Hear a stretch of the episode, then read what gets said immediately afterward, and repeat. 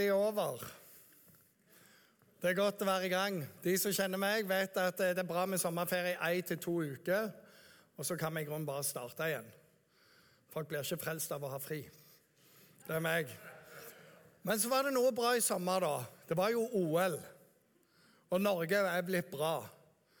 Og det, det, er to ting som er veldig bra med å starte opp med høsten. En er møtene og aktivitetene. Og vi sier, Nå er det en del ungdommer her. Vel gjort med leir. Loftet hadde leir nå denne uka. Det er helt fantastisk. Mange ungdommer og veldig god stemning. Det å starte menighet. Den andre gode tingen er jo at Premier League starter opp. Og det er ekstra bra. Akkurat i dag så Vi har en tekniker der bak som heier på Norwich. Så eh, det kan være en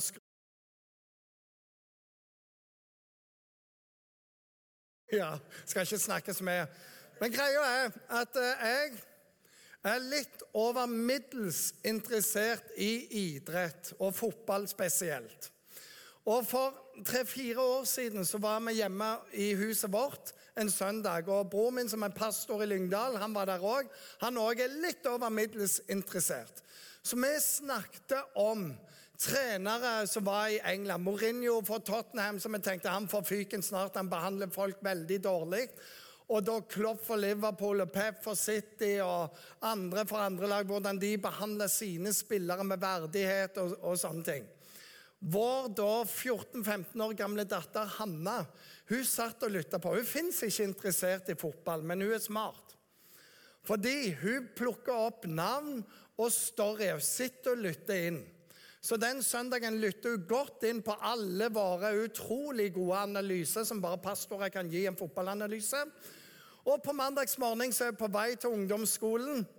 Og så er det en stor guttegjeng på trinnet som står og snakker sammen om fotball, om Premier League, om Mourinho og alt det sammen. Hanna går bare rett inn i gjengen, stiller seg opp, ser på alle. Og så bare holder hun et foredrag for dem på to-tre minutter om Mourinho, om Pep, om Klopp og hva hun syns og hvordan vi bør gjøre alt dette her. Og det er bare helt sånn skikkelig nerdete. Og så sier hun Og det er det jeg syns. Og så går hun bare. det er alt du kan om fotball! det er det hun har sagt på de to-tre minuttene. Og, og, Hvis jeg hadde stilt ett spørsmål, så hadde det vært sjakkmatt. Men guttene går bare Wow, hun har jo skikkelig peiling! Av og til så blir du smartere enn det du er pga. de du omgås med. Det er hele clouet.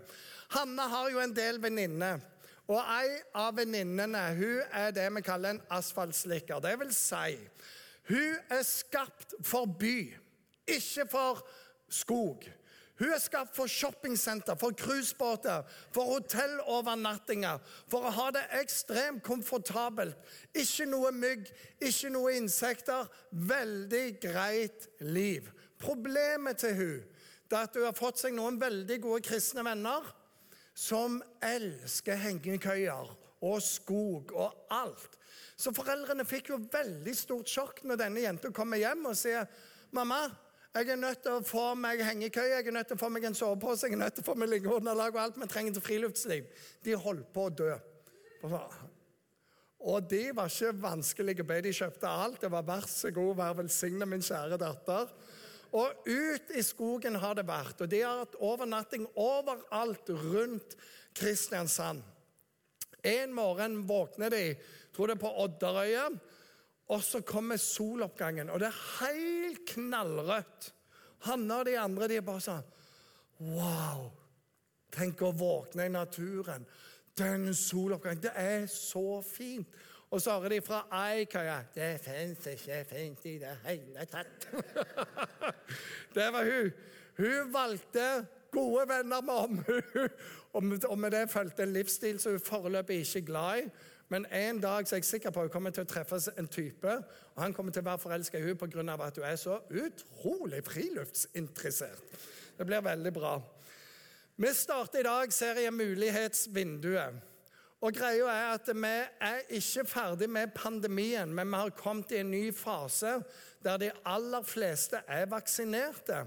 Og vi kan gå mot en gjenåpning og forhåpentligvis leve et mer normalt liv igjen. Og pandemien den har kosta veldig mye forskjellig for mange av oss. Hvis du har opplevd at du får angst og har blitt deprimert, og at livet er vanskelig, så er du i selskap med faktisk brorparten. For de fleste har kjent på sånn. Det er normalt. Men vi leser òg at antall spiseforstyrrelser, antall andre ting som er veldig tungt, det har bare eksplodert under pandemien. For han gjør noe med oss. Og så er vi da i en annen fase. Og mange har bytta jobb, har bytta studie, har slutta med ting. Mange vurderer. Og så er det sånn nå er det et mulighetsvindu der du kan velge noen ting. Og Det, det er et par grunnregler for det. Nummer én du gjør ikke store livsvalg når du er trøtt og sliten og lei, som å skifte jobb, karriere, flytte fra alt og alle. Det er ikke tidspunktet i livet du gjør sånne ting. Det er veldig mange, inklusiv mange pastoralt, som nå skal de skifte jobb. Og Jeg sitter og snakker med mange, og så begynner vi ja, hva skal du egentlig da gjøre? De òg har en pandemi, de òg har hjemmekontor, de òg har dette. Når du er trøtt, sliten og lei, da skal du holde deg rolig og komme deg igjennom. Men det kan være ting du har tenkt på før pandemien, og gjennom pandemien har det bare Nå er det på tide å gjøre endringer. Og Samtidig så kan pandemien ha gjort at ting blir synlig for deg. At den måten jeg lever livet på, egentlig ikke sånn jeg vil. Og i dette rommet her så dannes det et vakuum der ting står stille. Det har vært deilig for oss som kjører unge hele uka gjennom å slippe det, men det har vært andre ting som har vært krevende òg. Så hva gjør vi? Hva velger vi? Og Det er det denne serien handler om. Og som jeg begynte med, så blir vi jo da påvirka av de som er rundt meg. Hanna hun blir jo fotballsmart av å være med meg og min bror. Og venninna blir ei friluftslivsjente av å være med Hanna og vennene hennes. Overskriften for i dag er denne her. Hvem bruker du bevisst tid med? Bevisst tid med. For du bruker tid med, de er med å forme deg òg. Og det er litt sånn, Noen har sagt 'vis meg hvem vennene dine er', så skal jeg si veldig mye om deg òg. Hvem bruker bevisst tid med? Hvem ønsker jeg å ha mer inn i livet? For de er med og drar meg i en retning som jeg ønsker å gå. Bibelen sier det. Ta ikke feil. Dårlig vennskap ødelegger gode vaner. Så hvem skal være der? Hvem investerer jeg tida i? Og Dagens historie fra Bibelen er hentet fra Apostelens gjerninger, kapittel 3 og kapittel 4. Og Det begynner med at Peter og Johannes, som var noen av Jesus sine beste venner, de går inn i, tempel, eh, inn i tempelplassen, og der sitter en kar og tigger. Han har vært lam hele livet sitt. Han ber om almisser. 'Kan du gi meg penger?' De ser han og stanser opp, og så sier de, 'Se på oss.' Og han ser på dem og håper 'min penger. Og så sier de, 'Sølv eller gull, vi har ingenting av det.' Men det vi har, det ønsker vi å gi deg. Så tar de han i armen, og så sier de, 'I Jesu navn, reis deg opp og gå.' Og fyren som har vært lam hele livet, idet han reiser seg, så kommer styrken. Og så står det snart så står han og så begynner han å gå. Og så løper han rundt på tempelplassen, hvor han høylytt priser Gud overalt. Og det blir en stor ståhøy der inne. For folk sier det Han ligner jo på Er det han? Ikke det han som hadde han. Og de forstår ingenting. Han har sittet der hele livet og plutselig springer rundt og priser Gud. Dette kommer jo lederskapet for øye. Det vil si at eh, de som er mest akademisk, de som er de mest lærde, de som er de åndelige eliten, de bare sånn Hva er det som skjer nå? Og de liker det ikke.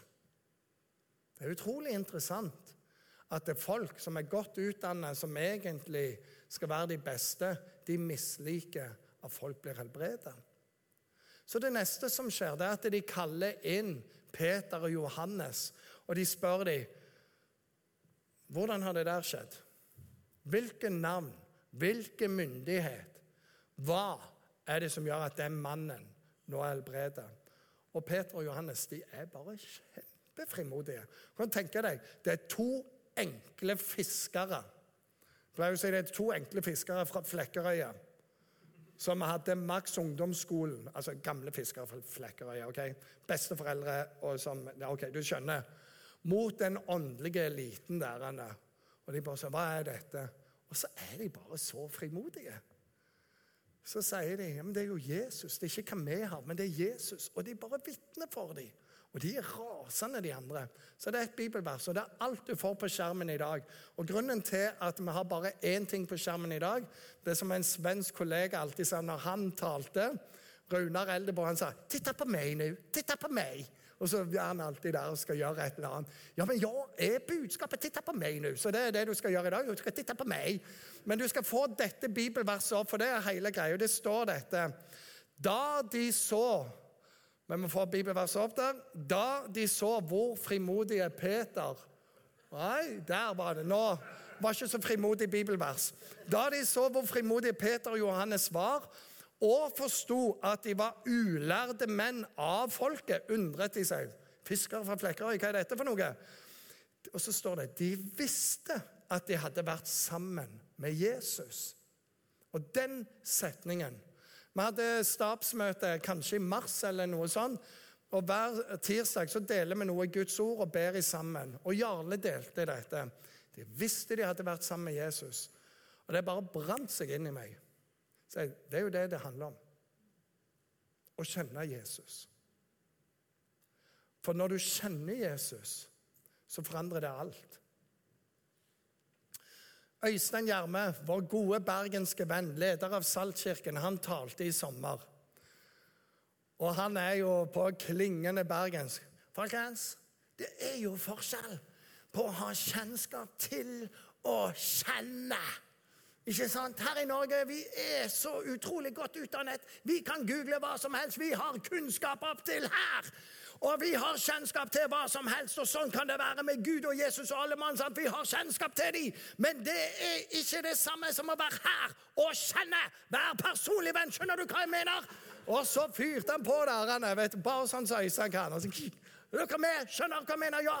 Og det er jo sånn at det, eh, konen min har kommet til meg og sagt Øystein, jeg kjenner deg bedre enn du kjenner deg sjøl nå. Og da måtte jeg si til min kone det gjør du ikke. Jeg kjenner meg sjøl best. Og så sier han, og det er jo poenget, for av og til Ja, men jeg kjenner jo de, sa Nei, du kjenner deg best. Hvem kjenner Gud best? Gud. Så hvis du skal bli kjent med Gud, så må du jo over på Guds side og bli kjent med han der han er. Ikke bare ha kjennskap fra distanse, for det er aldri det samme. Jeg kjenner mye til Warholm. Jeg, jo, jeg kjenner han ikke, aldri møtt han. Du verden som jeg kan si om han. Hæ? Verdensmester på 400 meter hekk, og alt det er bare så bra. Kjenner han ikke kjennskap til. Å kjenne Jesus, det er forskjell. Og disse to, Peter og Johannes, de kjente Jesus. Greia var at Jesus blant mange var regnet som en rabbi, en lærd, en lærer. Og det var en ære for folk å få lov å følge en rabbi. Det var bare wow! Det beste du kunne få. Så når du leser i Bibelen at Jesus gikk og kalte folk, og de forlot alt og fulgte ham, så var ikke det for at Jesus var bare sånn wow! Det var helt vanlig i kulturen. Hvis en rabbi gjorde det, så bare forlot du alt. Du var den heldigste i landet. Hvorfor? For du fikk lov å lære av de klokeste hodene. Og når du var med en rabbi, så spurte alle de som ble kalt disipler, sin rabbi kan du lære oss å be.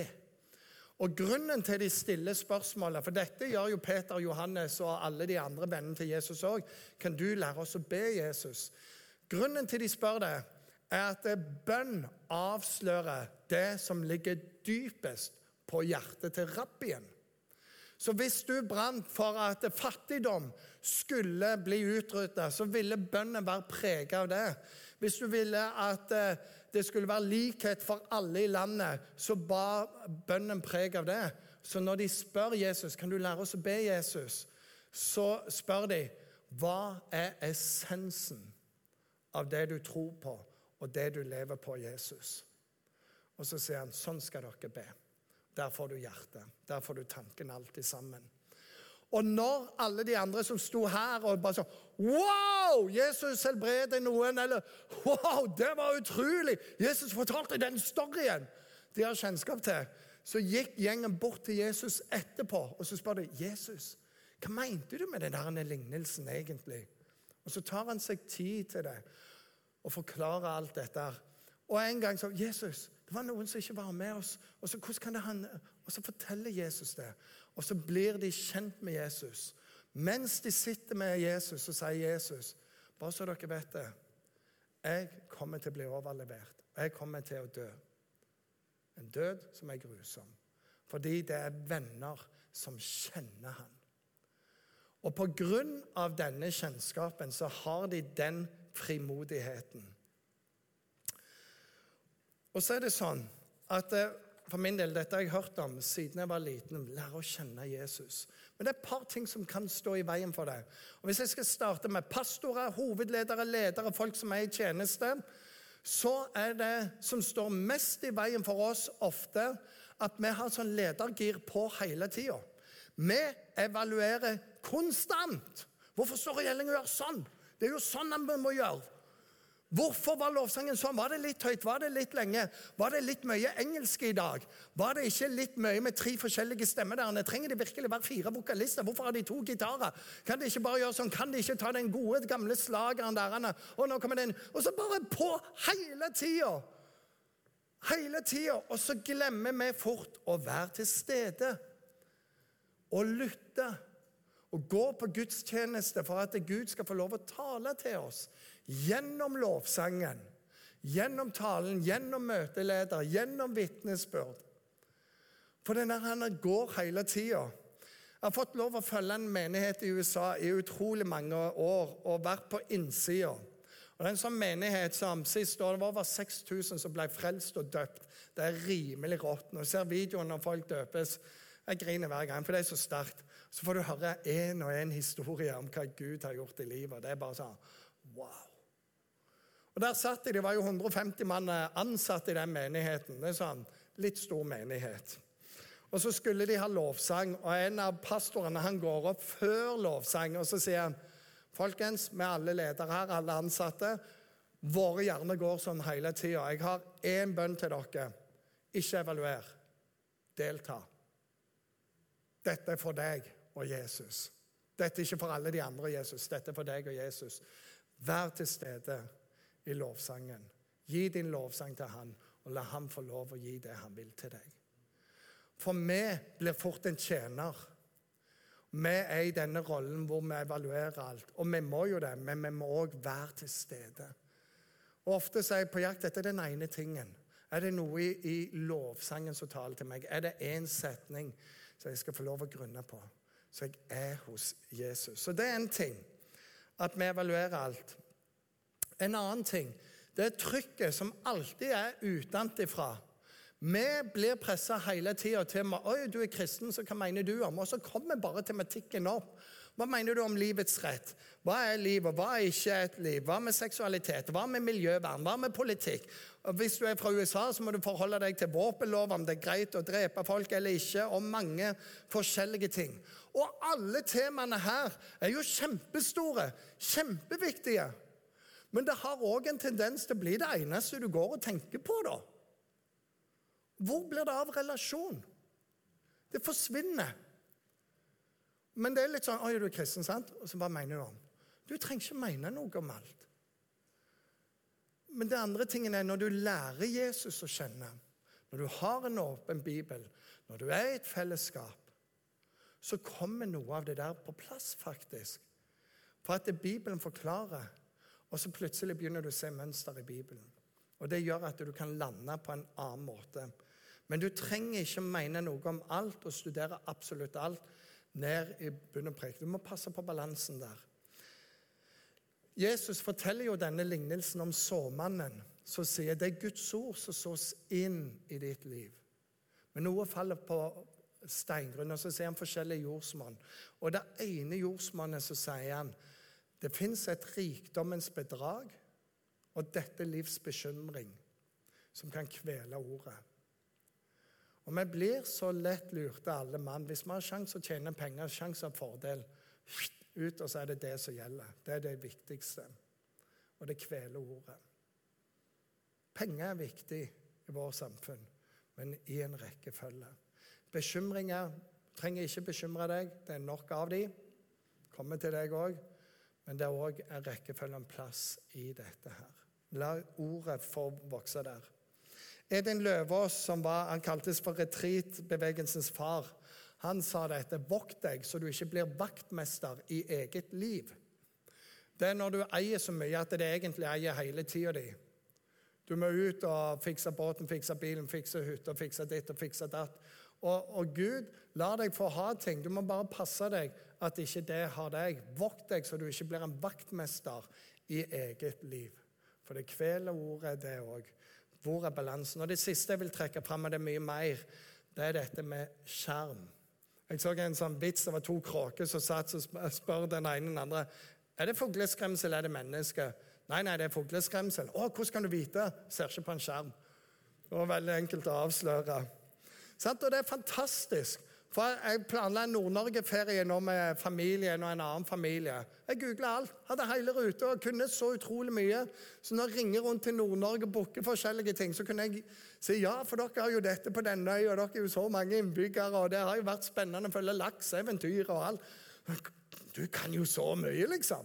Ja, jeg googla det. Veldig enkelt. Problemet er når skjermen begynner å ta hele tida di. Det bare sluker tid. Du sitter på TikTok og det ene etter andre videoen.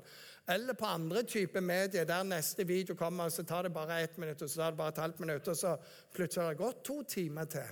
Tida forsvinner. Unge sier de er ekstremt stressa, aldri vært mer stressa. Hvis du kutter sosiale medier, så har du fått et liv tilbake igjen, og stresset er egentlig ganske på en annen plass.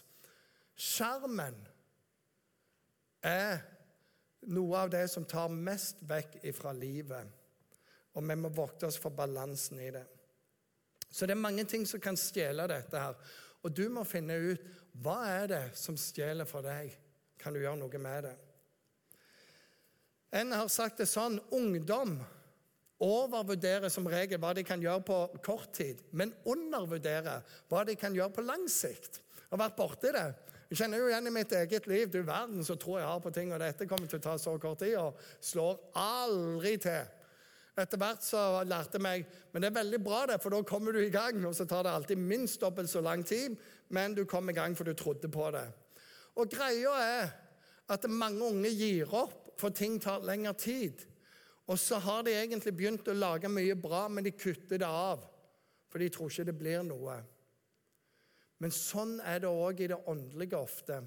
At vi kan være miljø som lærer oss at bare du gir livet til Jesus, bare du begynner å lese denne Bibelen, her, bare du begynner å tro bare du begynner å bekjenne, så kommer Gud til å gjøre masse tegn under mirakler. Og det er sånn, Idet du begynner å lese Bibelen, så kommer Bibelen til å holde deg vekke fra synd. Og hvis du ikke leser, så kommer synden til å holde deg vekke fra Bibelen. Og nå skal du bli en superkristen på 1, 2, 3.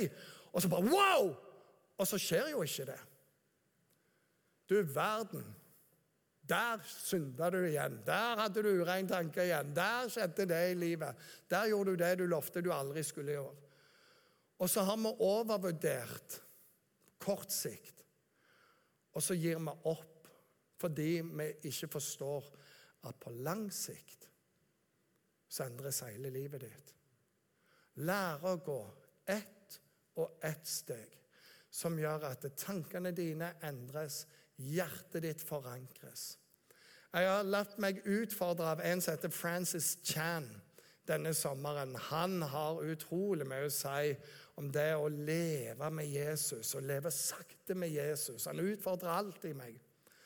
Og så sier han når jeg leser Guds ord, så ofte bare stanser jeg. Når jeg leser at uh, Gud har adoptert meg, så er det fort gjort å lese videre, men så stanser jeg og så tenker på det. Han har adoptert meg. La det synke inn. At det Guds tanker for meg er framtid og håp. Så stanser jeg, og så lar jeg det synke inn. Og så gjør han det med tema for tema.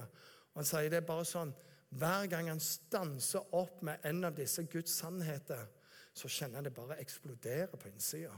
For Gud sier 'Wow! Jeg er elska av Gud'. Jeg er ønska av Gud. Han har ting han ønsker å bruke meg til. Det er bare sånn Wow. Men du må stanse, og du må la det synke inn. Det å kjenne Jesus. Det gjør noe med frimodigheten din. Det gjør noe med tryggheten din. Det gjorde noe med disse to karene her. Så til dere som unge jeg har noen bibelvers og noen tanker. Det første er, står i Efeserbrevet Bli sterke i Herren, i Hans veldige kraft. Det er mulig å bli sterk i Herren. Jo lenger vi lever, jo mer finner vi ut at det egentlig så er det veldig lite spesielt med våre liv. Men også gjennomsnittlig kjedelig normale, de fleste av oss. Det er en litt sånn kjedelig plass å komme. Men du kan bli sterk i Herren. Og du kan ha identiteten i Jesus. Og det er noe annet. Det er ikke meg, det er han i meg. Bli sterk i Herren. Timoteus-brevet er skrevet til en ung, uh, ung lærling. Og, og, Paulus sier til han, La ingen forakte deg fordi du er ung, men vær et forbilde. Det er motstykket til foraktelse. Vær et forbilde. Ikke bare for unge, men for alle. Og Så remser han opp fem forskjellige områder Vær være forbilde i. Ordene dine Ordene dine kan være bra. Det kan være til oppbyggelse. Det kan være rene ord. Kan være gode ord. Det kan være velvalgte ord. Si det som tjener til å bygge opp. Livsførselen din er neste. Kjærligheten din. Jeg ønsker senere å ha en annen taleserie om hvordan ting har endret seg nå, som gjør at språket blir bare hardere og hardere. Jeg sier til alle som er kristne, du er nødt til å lese 1. Johannes brev. For der står det 'den som ikke elsker sin bror, han har ikke kjærligheten i seg'. Og sier 'vær et forbilde i kjærlighet'. Du er ikke den som skriver hardt på sosiale medier. Du finner det som bygger opp, og lar være det andre. Og så står det i troen og i renhet. Det er mulig å leve rent.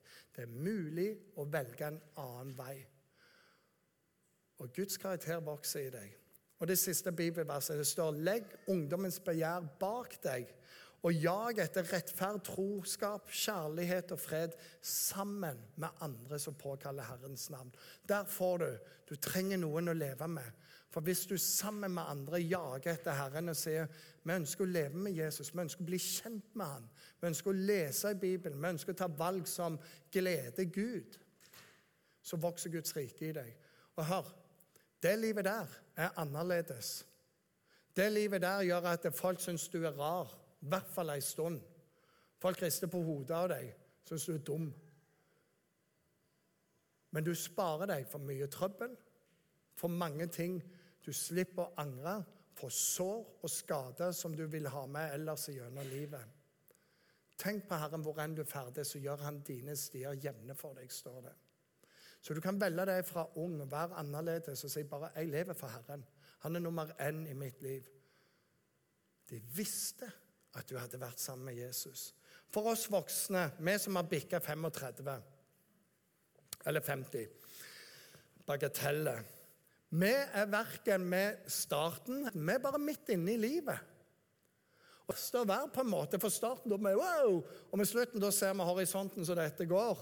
Men midt i livet det er litt sånn, Du ser jo ingenting her, det er bare åpent hav. Og der forvitres vaner. Der endrer ting for hva er vitsen? Det nytter liksom ikke. Galaterbrevet sa dere som begynte i ånden, var ivrig i din ungdom. Vil du nå fullføre med menneskeverk? Vil du bare gjøre det sjøl? Ordspråkene sier 'forlat ikke visdommen, så vil den vokte deg'. Du må søke inn. Legg merke til de spor du skal følge. Hold hele veien stø kurs. Vik ikke av til høyre eller venstre. Hold foten borte. Vår identitet må fortsette å være Herren. Til skriver han noe som gjelder oss midt i livet òg, for han sier 'tenn på ny den nådegave som er i deg'. Og komme oss opp igjen, og så fortsetter vi med det løp som Herren har lagt for våre liv. Vår største problem er kjedsomhet ofte, og ut av det gjør vi mange dårlige valg. Men de visste de hadde vært med Jesus. Og til dere som er eldre enn meg Det er slutten av løpet som teller. Ikke begynnelsen. Ikke midtpartiet. Det er slutten. Og igjen, jeg er jo en som elsker idrett. Jeg elsker å se sånne videoer. Jeg så et 800 meter løp fra 70-tallet nettopp nå. Der en han hadde hamstring, jeg vet ikke hva han hadde. Han bare løp med caps helt bakerst. Lå langt bak dem, og etter en runde så begynner han å nærme seg, og til slutt så vinner han hele greia. Det var ikke begynnelsen, var slutten. Det var helt imponerende, for alle visste han skulle tape. Jeg syns det var gøy å se kortbanesykling. Sant? Du sykler rundt sånn. Og så er det en. Han hadde kommet til finale med flaks. Så når de sykler rundt, så er han desidert sist. Men i nest siste sving, og de sykler jo helt nærme, så mister han første balansen, tar med seg nummer to og tre og fire, og så sykler han inn og blir olympisk mester. Det er ikke begynnelsen, det er ikke midtpartiet, det er slutten som teller. Og så har jeg sett sånne tragiske videoer. De som de kommer til å vinne alt. De har vært best hele tida. Ti meter før slutt i maraton så snubler de. Eller kroppen sier stopp. Og så løper de andre forbi. Og Helt tragisk. Og så har jeg sett noe av det mest vakre. Folk som rett før mål kollapser og de andre som kommer langt bak, skjønner men det er jo vinneren. Og så bare tar de tak og løper de i mål. Og taper fordi de hjalp vinneren til å vinne. Det er rått. Det er så sykt rått. Greia er Hva skal være sluttstreken din i livet? Og Du kan ha hatt dårlige perioder gjennom et løp, og du kan være i en dårlig periode nå. Pandemien hjalp oss ingenting. Men så lenge det er liv, er det håp. Løp så du vinner seierskransen. Kom tilbake til Jesus og la han få lov å si ting til deg. Vær i bønn, vær i åpen bibel, lytt til Jesus, skriv ned. Invester videre inn i Guds rike, inn i neste generasjon. Kong David han ville bygge et tempel til Herren, og Gud sa nei, du får ikke lov. Så sa han det er greit, Gud, men du kan ikke hindre meg å kjøpe all material som trengs til. Bare gjør alt klart for jeg vil være med på dette du gjør. Så når sønnen ble konge, så var det rimelig enkelt. Der ligger alt bare bygd. Og her står jeg og snakker ikke om Salomo, men om faren som gjorde det klart så Salomo kunne gjøre det. Du kan være en sånn. Josva han var en ung, og Josva er forbilde egentlig både for unge og eldre. For mens han var ung, så står det at eh, de var i ørkenen. Guds sky kom ned med herlighet. Og Moses gikk inn og hørte Gud. Hva skjer med Josva? Han går inn sammen med han og bare opplever dette her. Gud taler til Moses, men Josva står og lærer å kjenne Guds stemme, lærer å kjenne Guds karakter. Og så står det når Moses går ut og taler til folket, så er fortsatt Josva inni Guds nærhet. Og han bare lærer Gud å kjenne. Når Moses en dag er ferdig med sitt lederskap, så vet alle det er Josva som skal overta, for han har lært å kjenne Herren. Det betyr ikke nødvendigvis at han var flinkest eller best eller fra den beste stammen, men han hadde lært Herren å kjenne. Og på slutten av sitt liv så sier han til alle nå må dere velge hvem dere skal følge. Jeg, og han er oppe i 80-åra, jeg og mitt hus, vi hører Herren til. Denne uka leste jeg i Fevennen. 106 år gammel dame blir intervjuet. De to beste valgene hun hadde gjort i livet. Nummer én hvem jeg har gifta meg med. Nummer to at jeg valgte Jesus inn i livet mitt. Og så Nede i intervjuet så leser vi du må velge Jesus. Du vil aldri angre det. For sånn, Hun liker jeg kjempegodt. For et vitnesbyrd! Du vil aldri angre på det. Så i dette mulighetsvinduet så er det første budskapet det som slo meg på kontoret når hovedpastor Jarle delte det, sa der er det. De visste at de hadde vært med Jesus. Det er det jeg vil at folk skal merke med mitt liv. Og det er det du må velge for ditt liv. Men det er mulighet til å leve der videre. Vi tror Gud har masse foran oss. La de merke at vi har vært hos Jesus. Så kom til på høstkonferansen, for det er flere dager der vi bare skal få lov å være og ta imot, være sammen, la, uh, la oss være der. Hvis du ikke har hørt, hør talen på nett. Visste du at vi har to gudstjenester nå i august? Ingrid Eskild og Torunn Lian har talt. Få med deg de og vær med. Nå skal jeg be til slutt. Før jeg ber, så har jeg også lyst til å si vi har forbønn selv nå. Det, det er bak der. Folk, Hvis du har hva som helst med deg, så kan du gi det til Jesus. Så kan du si til andre, så vil de være med og be. Det er mulig mens vi synger lovsanger, og det er mulig etter møtet. skal vi be sammen. Herre Jesus, jeg takker deg for det at eh, disse vennene dine, det var i alle samfunnslag. Og det var ikke de alltid foretrukne, men det var fiskere, det var tollere, det var vanlige menn som oss. Og Herre, så var det en ting som preget det. De, det var at du fikk prege dem. Og jeg ber for meg, Herre, at det, sånn skal det være i mitt liv. At folk merker men det er jo noe av Jesus inni ham. Og jeg ber for de som er her, at det skal være det samme. At det var en vi har med oss, så skal de få merke at du bor i oss. Og at det av og til så kommer fram din visdom, dine ord din forløsning. Jeg ber om det i Jesu navn. Amen.